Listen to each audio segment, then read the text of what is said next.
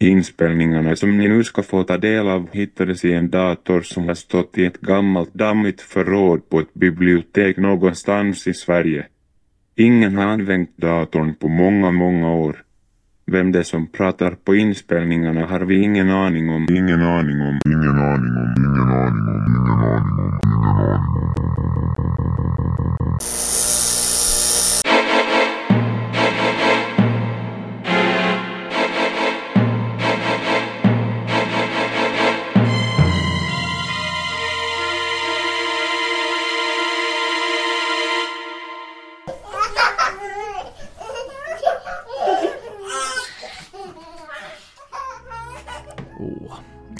Alla älskar vi väl barn. Ja, jag kan lyssna på de små liven i flera sekunder innan jag så att säga blir trött i öronen och vill låsa in mig i min mörka och tysta håla igen. Det finns de som säger att barn alltid är goda. Tänk så fel de har. Idag ska jag berätta för er om riktigt ondskefulla och skräckinjagande barn. Barn som vill dig illa. Lyssna noga. Ni ska strax få höra en inspelning. Inspelningen gjorde jag för några år sedan. En sen natt, djupt inne i en av Smålands allra mörkaste granskogar. Barnet som ni hör är inget vanligt barn, utan en myling. Ett barnspöke.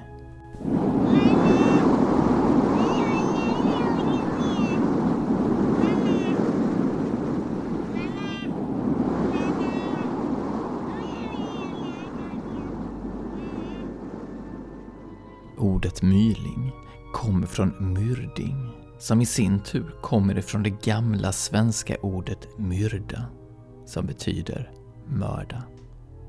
En myling är ett barn som blivit dödad eller begravd i hemlighet av sin mamma. Ni förstår, förr i tiden var det en stor synd här i Sverige att få ett barn utan att vara gift. Kvinnor som blev gravida utan att ha någon man riskerade att bli utstötta. Därför valde många kvinnor att ta livet av sina nyfödda barn. Sedan lämnade de dem på någon undanskymd plats. Det vanligaste var nog att man grävde ner dem i skogen. Men det förekom också att mammor begravde de döda barnen under stugans golv. Eftersom de döda barnen dog odöpta så kunde de inte få ro i sina gravar.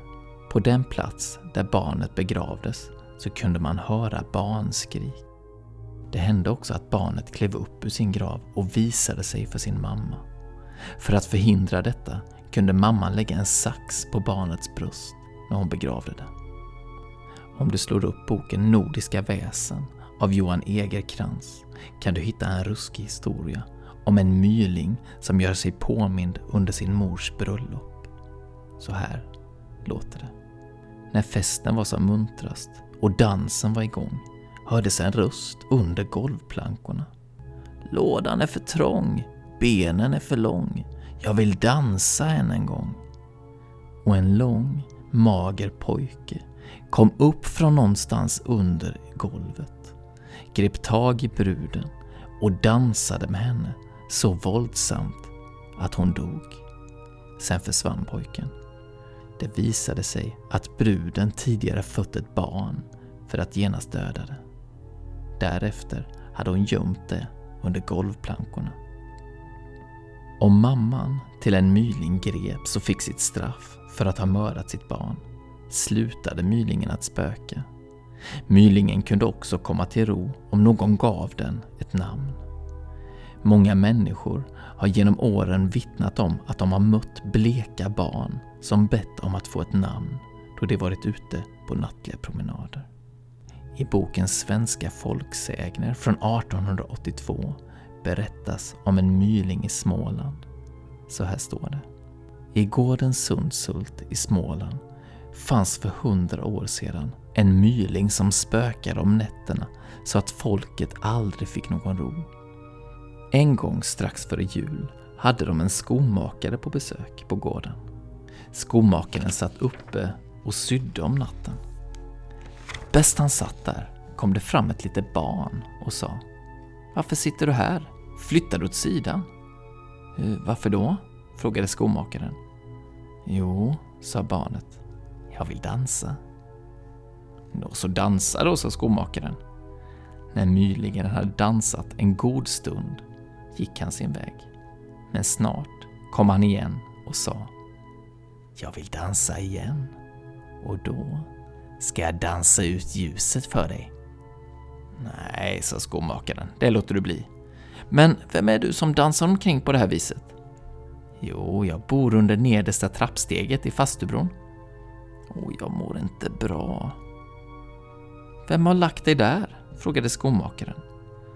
Ah, se efter när det blir dag, för då kommer min mor med röda hettan. Men hjälp mig härifrån så ska jag aldrig dansa mer. Det lovade skomakaren och mylingen försvann.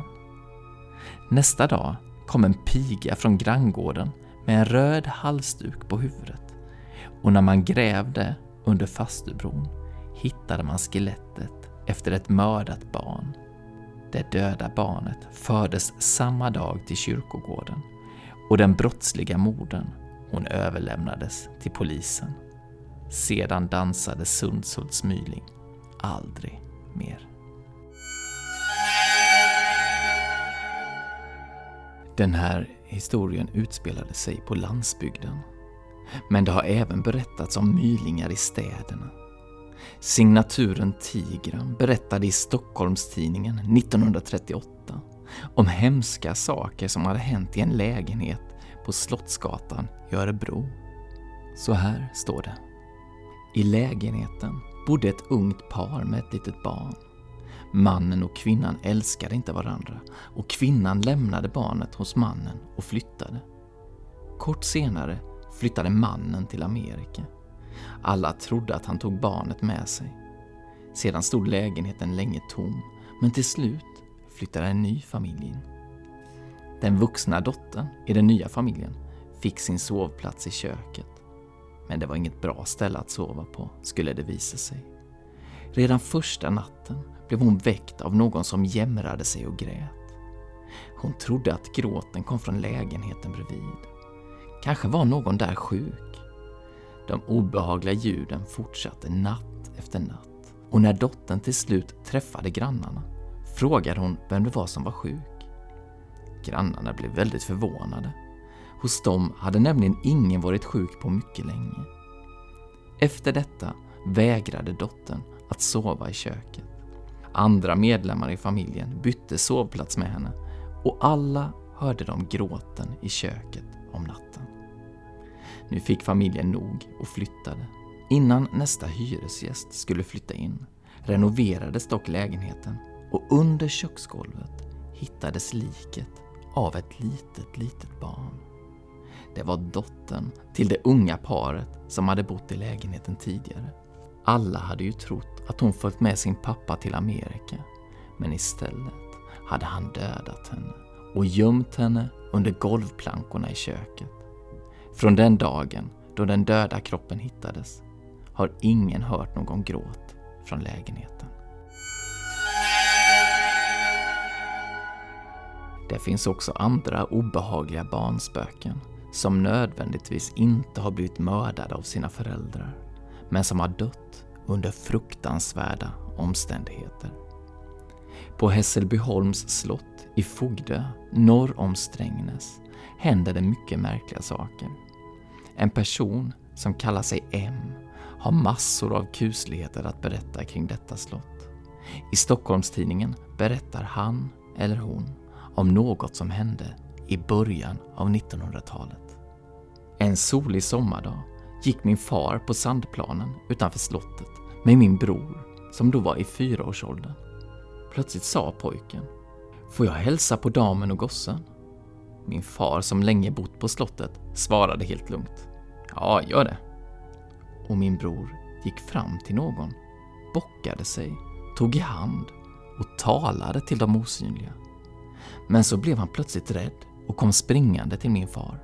De försvann i källargluggen, säger han. Eh, hur såg de ut? frågade min far.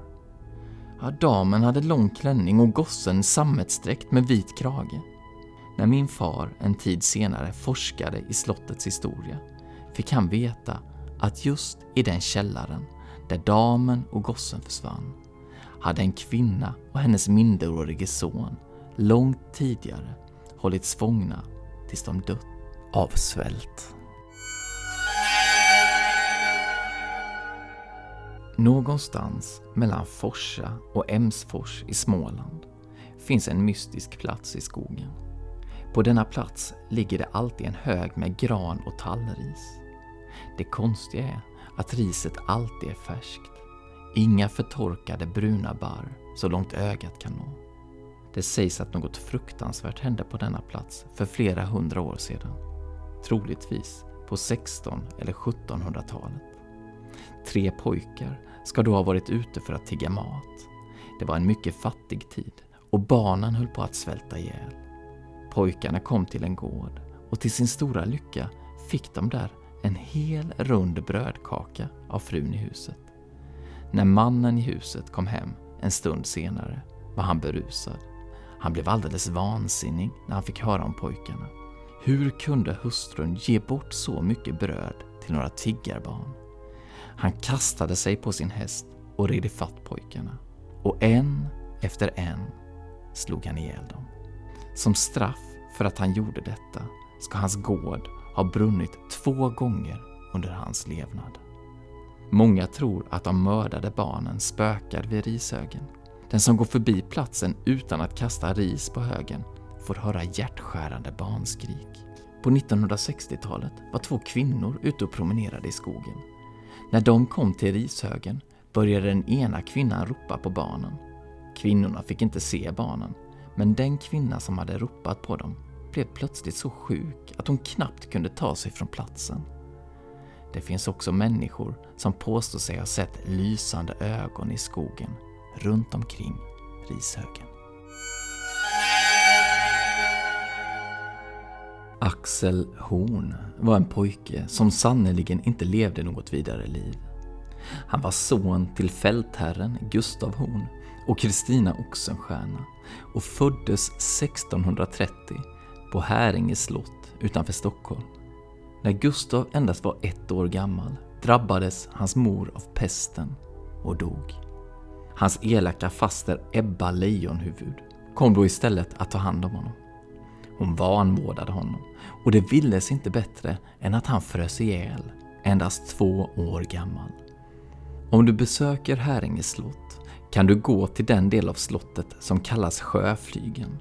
Det var här lille Gustavs döda kropp förvarades innan han begravdes. Många är de som har hört honom gråta på denna plats och de gäster som har sovit över har känt av Gustavs närvaro och till och med upplevt att en liten iskall pojke har krypit ner hos dem i sängen mitt i natten för att värma sig. Det verkar inte bara vara i Sverige som det finns döda barn som inte kommer till ro.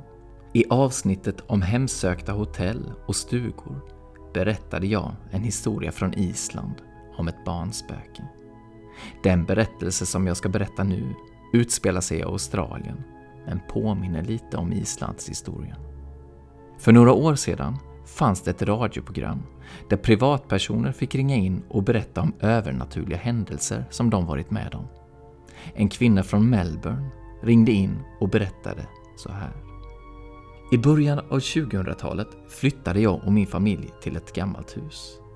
Vår son Mick var runt ett år då och brukade till skillnad från många andra barn sova lugnt om natten. Men en natt vaknade jag av att han grät hysteriskt.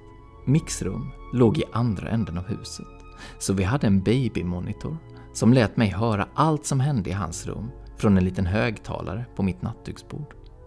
Jag satte mig yrvaket upp i sängen och skulle just gå för att trösta min son då jag plötsligt hörde en annan röst i babymonitorn. Det var en pojkes röst som lugnt gnolade en vemodig vaggvisa. Sedan hyschade rösten. Shh, shh, lät det. Och Mick slutade genast att gråta.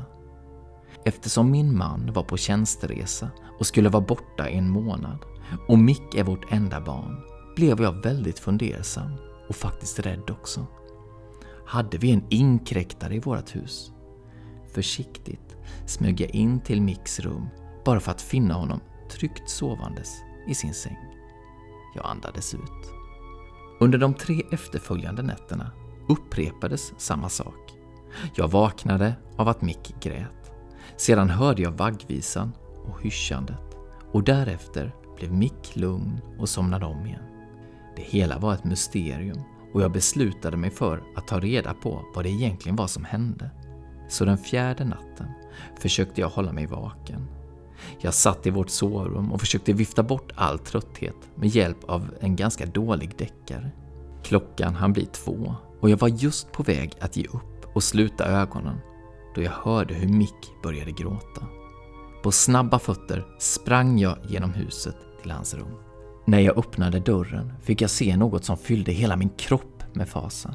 Vid Micks säng stod en liten mager och alldeles kritvit pojke. Han gnolade entonigt med sin ljusa, hesa röst och hans svarta hår hängde ner för hans ansikte där han stod lutad över min son. På kroppen hade han en gammeldags, lite gulnad nattsärk och jag hann se att han var barfota innan han tittade upp på mig. Så fort han såg mig fick han något skrämt i blicken och tonade bort. Inte ett spår fanns kvar efter honom sedan. När jag senare talade om händelsen med mina grannar berättade de att det för cirka 80 år sedan hade bott en sjuk pojke i huset. Sjukdomen han hade var så allvarlig att han dog redan när han var sju år. När jag gjorde ytterligare efterforskningar fick jag veta att pojken i stort sett varit sängliggandes i hela sitt korta liv. Och sängen som han då låg i stod i det rum som nu hade blivit Mix. Jag tror inte att pojken ville oss något illa, men för säkerhets skull flyttade vi Mick till ett annat rum. Micks gamla rum använde vi numera som förråd. Jag har aldrig sett pojken sedan den där natten, men ibland när jag är ensam i huset och känner mig lite ledsen får jag för mig att jag hör en ljus, hes röst nynna en vemodig melodi. Som om någon försöker trösta mig. Har ni hört talas om Black Eyed Kids någon gång? Om man skulle översätta till svenska skulle vi kunna kalla dem för svartögda barn. Dessa barns ögon är helt svarta och saknar alltså både iris, pupill och ögonvitor. Deras hy sägs vara blåvit och de människor som har träffat dem har fått en känsla av att de är övernaturliga på något sätt och att de är extremt farliga. De svartögda barnen ses ofta leka lekar ute, sent på kvällarna. Man kan också höra dem sjunga gamla barnvisor och ramsor. De håller inte till i folktäta områden, utan brukar påträffas på övergivna ödsliga platser. Men emellanåt händer det att de står utanför bebodda hus. De försöker alltid dölja sina ögon, men detta beror inte på att de är blyga. De verkar istället vara väldigt självsäkra. De som mött de svartögda barnen beskriver dem ibland som barn som talar och uppträder som vuxna. Låt oss komma in till dig. Släpp in oss snälla du.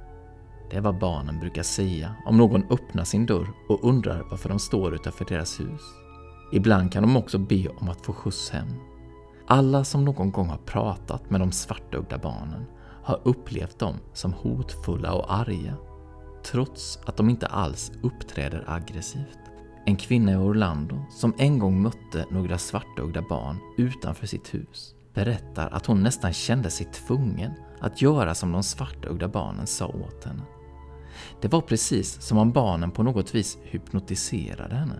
Som tur var kom hon till sans innan hon hann bjuda in barnen. Det verkar nämligen vara så att de svartögda barnen måste bli inbjudna för att kunna ta sig in i ett hus. På detta vis påminner de om vampyrer. Men troligtvis är de inte några vampyrer. Min gissning är att de är spöken efter mördade barn. Någon slags mylingar alltså.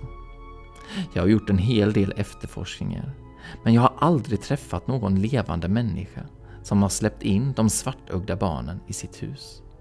Därför har jag ingen aning om vad som händer om du låter barnen kliva över din tröskel.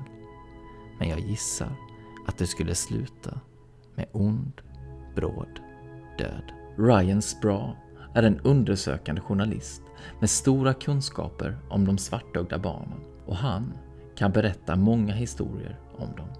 Nu ska ni få höra två av dem. Den första historien utspelar sig på 50-talet och handlar om en pojke vid namn Harold. Harold, som vid tiden för händelsen var 16 år, var på väg hem från en kompis.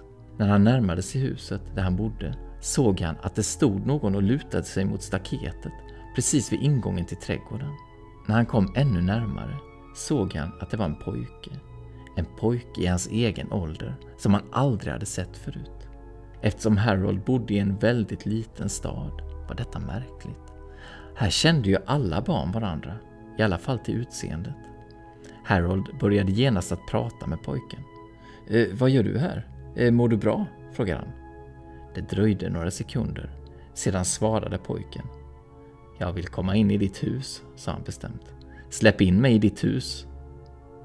Harold blev plötsligt rädd och visste inte vad han skulle svara. Det var då pojken lyfte blicken och tittade på honom med ett par ögon svartare än den mörkaste natthimmel. Harold ville fly och började se sig om efter flyktvägar. Pojken framför honom verkade kunna läsa hans tankar och sade lugnt men bestämt. Nu ska du inte springa iväg. Nu ska du följa med mig upp till ditt hus. Harold lydde inte pojken utan trängde sig förbi honom och sprang upp mot huset. Medan han sprang lyssnade han intensivt efter ljud bakom sig. Följde pojken efter honom. Han vågade inte vända sig om. Lyckligtvis hörde han inte något som lät som fotsteg. Det enda han hörde var ett obehagligt fräsande som från ett ilsket kattdjur. Var det pojken som lät sådär? Harold tänkte inte titta efter. Istället fortsatte han att springa de sista metrarna fram till huset. Han slet upp ytterdörren och kastade sig in.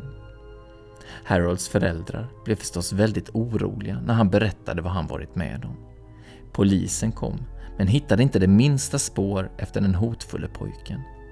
Harolds mamma, som var väldigt religiös, trodde att hennes son hade mött djävulen i en pojkes gestalt och hon lät en präst välsigna honom. Ännu idag finns det ingen som vet vem pojken som Harold mötte den där dagen var eller vart han tog vägen.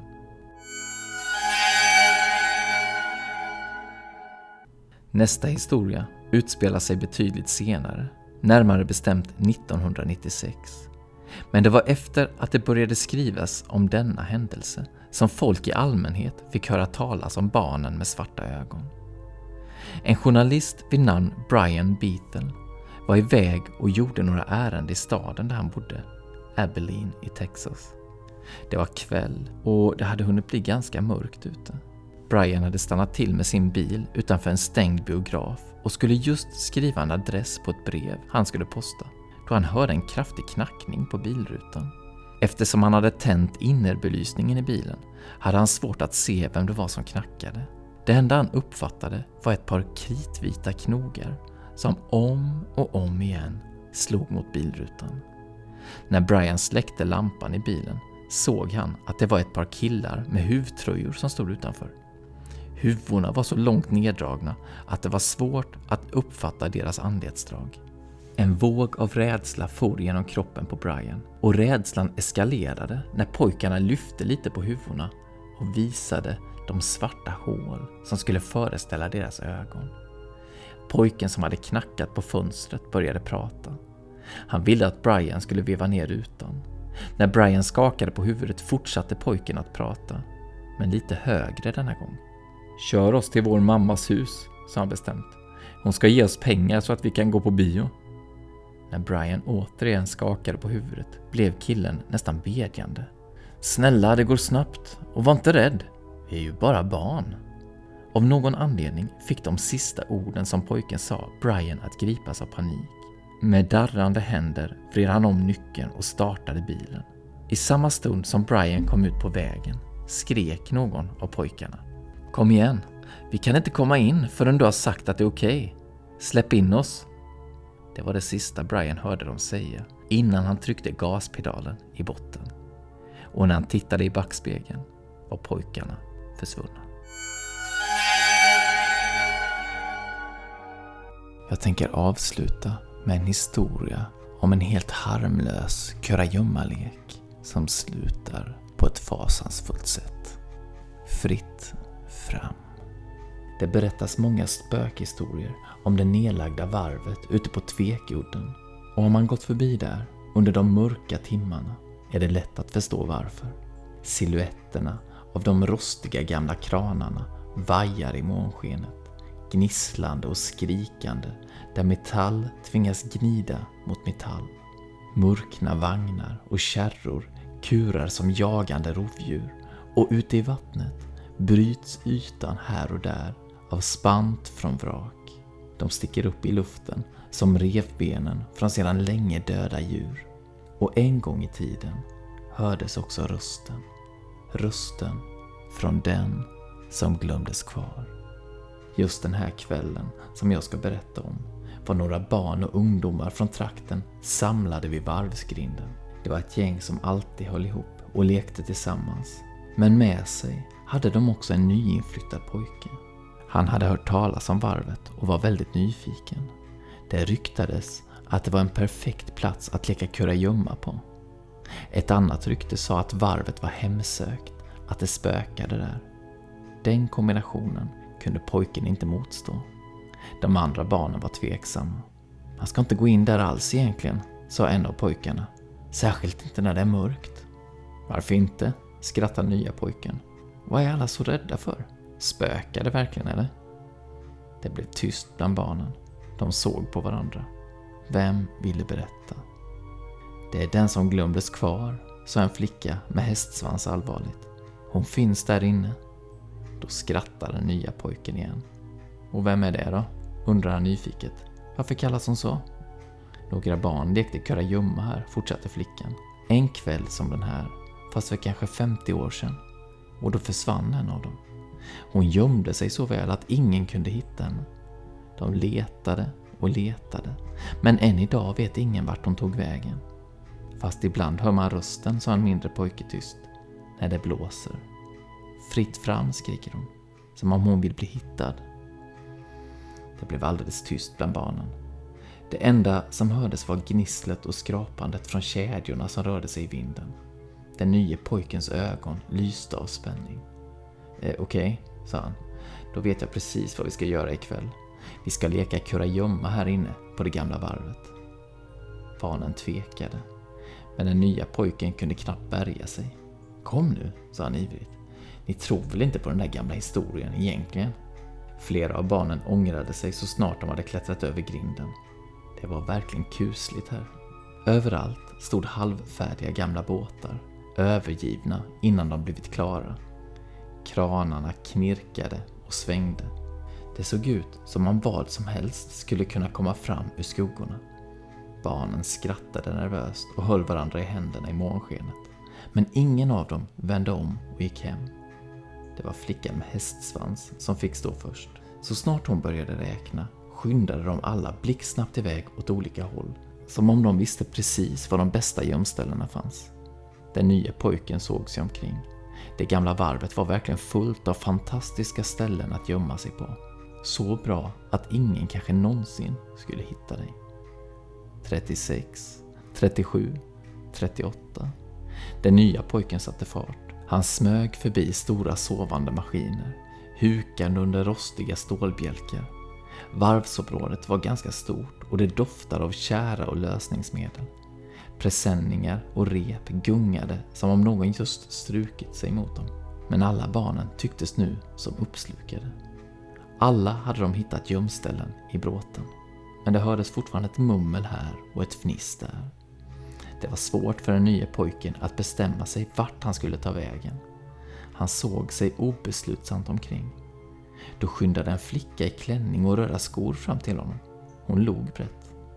Kom, följ med mig, viskade hon. Jag vet ett jättebra ställe. Skynda dig, jag ska hjälpa dig. Den nya pojken tvekade. Han behövde väl ingen hjälp för att hitta ett bra gömställe.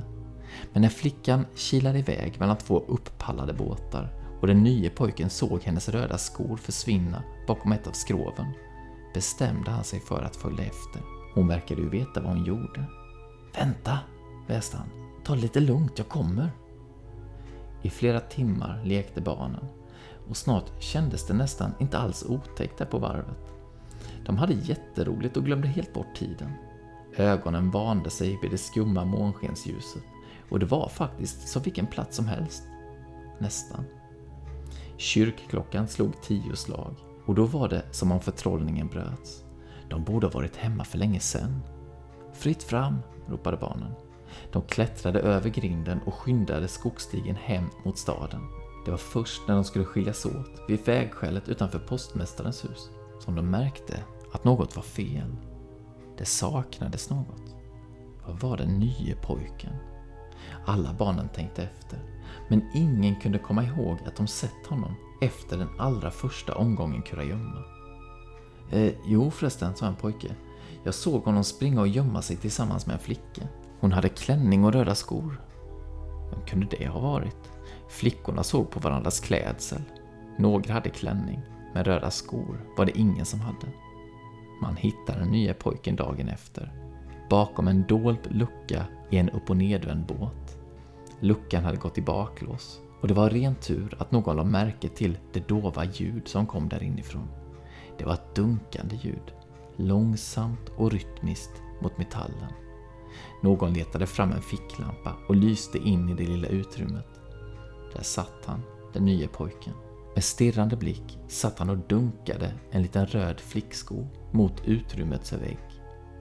Han hade blivit galen under natten. Och det var inte så konstigt. För inklämt bredvid honom låg ett skelett från en liten flicka som varit död i minst 50 år. Den nye pojken och hans familj flyttade snart därifrån. Vart de tog vägen var det ingen som visste. Men det sades att pojkens själ blev kvar där bland skroven och kranarna. Och efter det här var det ingen som vågade leka vid det gamla varvet. Ibland kunde man ännu höra flickan som glömdes kvar skrika fritt fram. Och när vinden var helt stilla hördes ibland ett avlägset dunkande från någon av de gamla båtarna. Som om en nyinflyttad pojkes själ ville tala om var den fanns. Nu leker de där tillsammans och de vill gärna ha fler att leka med. When we come to see you, the teddy bear are here to play. If you don't come play with us, then we will kill you. Nu är det dags för mig att ta avsked för denna gång. Och för er är det fritt fram att göra vad helst ni önskar. Men kom ihåg, till nästa gång. Ondskan finns där ute. Så håll ögonen öppna.